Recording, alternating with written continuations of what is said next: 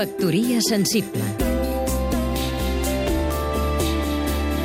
Sergio Vilasanjuan, periodista cultural Capital de la cultura? Quan feia la seva campanya electoral, Xavier Trias va atacar el cosmopolitisme que, segons ell, havia caracteritzat els llargs anys de gestió socialista i va assegurar que si guanyava l'alcaldia de Barcelona se centraria a remarcar el seu caràcter de capital de Catalunya. Trias ha complert la seva paraula. Ho ha fet amb gestos forts i inequívocs. Ha dirigit la part més substanciosa del seu pressupost cultural al nou centre del Born, connectant-lo amb la relectura ideològica del 1714 i dedicant-li una immensa senyera ha multiplicat les manifestacions de castellers i folklore popular a les festes de la ciutat.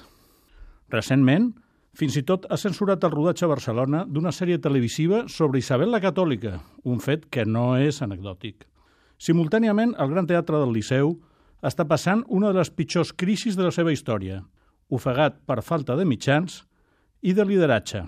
Els teatres de la ciutat redueixen la programació i el mateix ocorre amb els museus, Pràcticament s'han deixat de fer a la ciutat grans exposicions de veritable pes, mentre Madrid encarta als diaris de tota Espanya pàgines publicitàries amb la seva programació cultural, a fi de captar visitants.